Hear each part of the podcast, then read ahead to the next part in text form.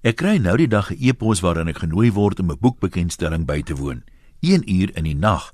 Nie die e-pos nie, die boekbekendstelling. Hulle raai my ook aan om vooraf 'n boek te bestel om seker te maak dis nie al uitverkoop as ek daar aankom nie. 'n Stormloop word verwag omdat die boek wêreldwyd op dieselfde tyd vrygestel word. Dit laat my wonder oor die ding dat mense glo nie meer lees nie of dan ten minste minder lees. As ek so na my familie kyk, is boeklesers onder hulle maar dun gesaai. My geleerde vriend sê boeke is soos TV vir intelligente mense. Dit mag dalk verklaar hoekom my mense so sukkel om hulle eie prentjies in hulle koppe te maak. Ek het nie amptelike verkoopsyfers van boeke in Suid-Afrika nie, maar ek weet van 'n hele paar boekwinkels wat moes toemaak. Skrywers wat 'n lewe kan maak uit voltydse skryfwerk is in ons land net so skaars soos goed funksionerende staatsinstellings. Maar wat sou die rede wees vir die afname in lesers? Boeke was nog altyd 'n bron van inligting en in daardie opsig kan ek verstaan dat Google deesdae vinniger en makliker is as biblioteek toe gaan.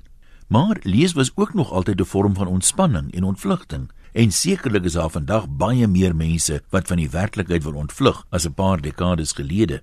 Almal kla oor die swak gehalte van TV-programme en die vele herhalings. Dis kan 'n mens kwaliek glo dat intelligente mense TV bo boeke sal verkies.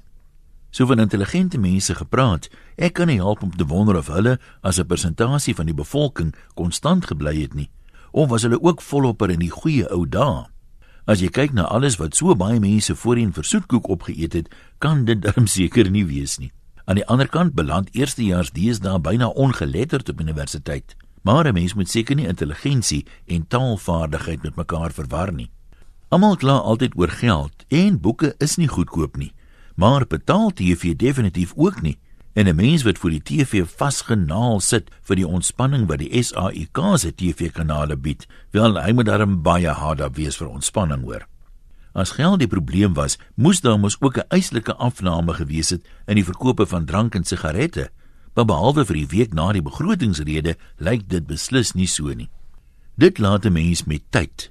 Niemand het deesdae meer tyd nie. Al kry elke mens nog altyd elke dag 1440 minute wat hy kan bestee soos hy wil. Mense wat wel tyd kry vir lees, kry nie meer tyd as ander mense nie. Hulle gebruik dit net anders. Ek is redelik seker ywerige lesers het ook selfone en net soveel toegang tot sosiale media soos nie lesers. Dit kom dus neer op prioritisering.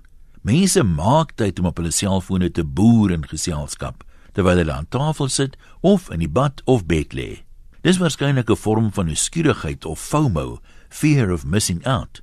Maar sien nou net Harry Potter kon sy towerstafie swaai en skielik was almal net so nuuskierig oor boeke.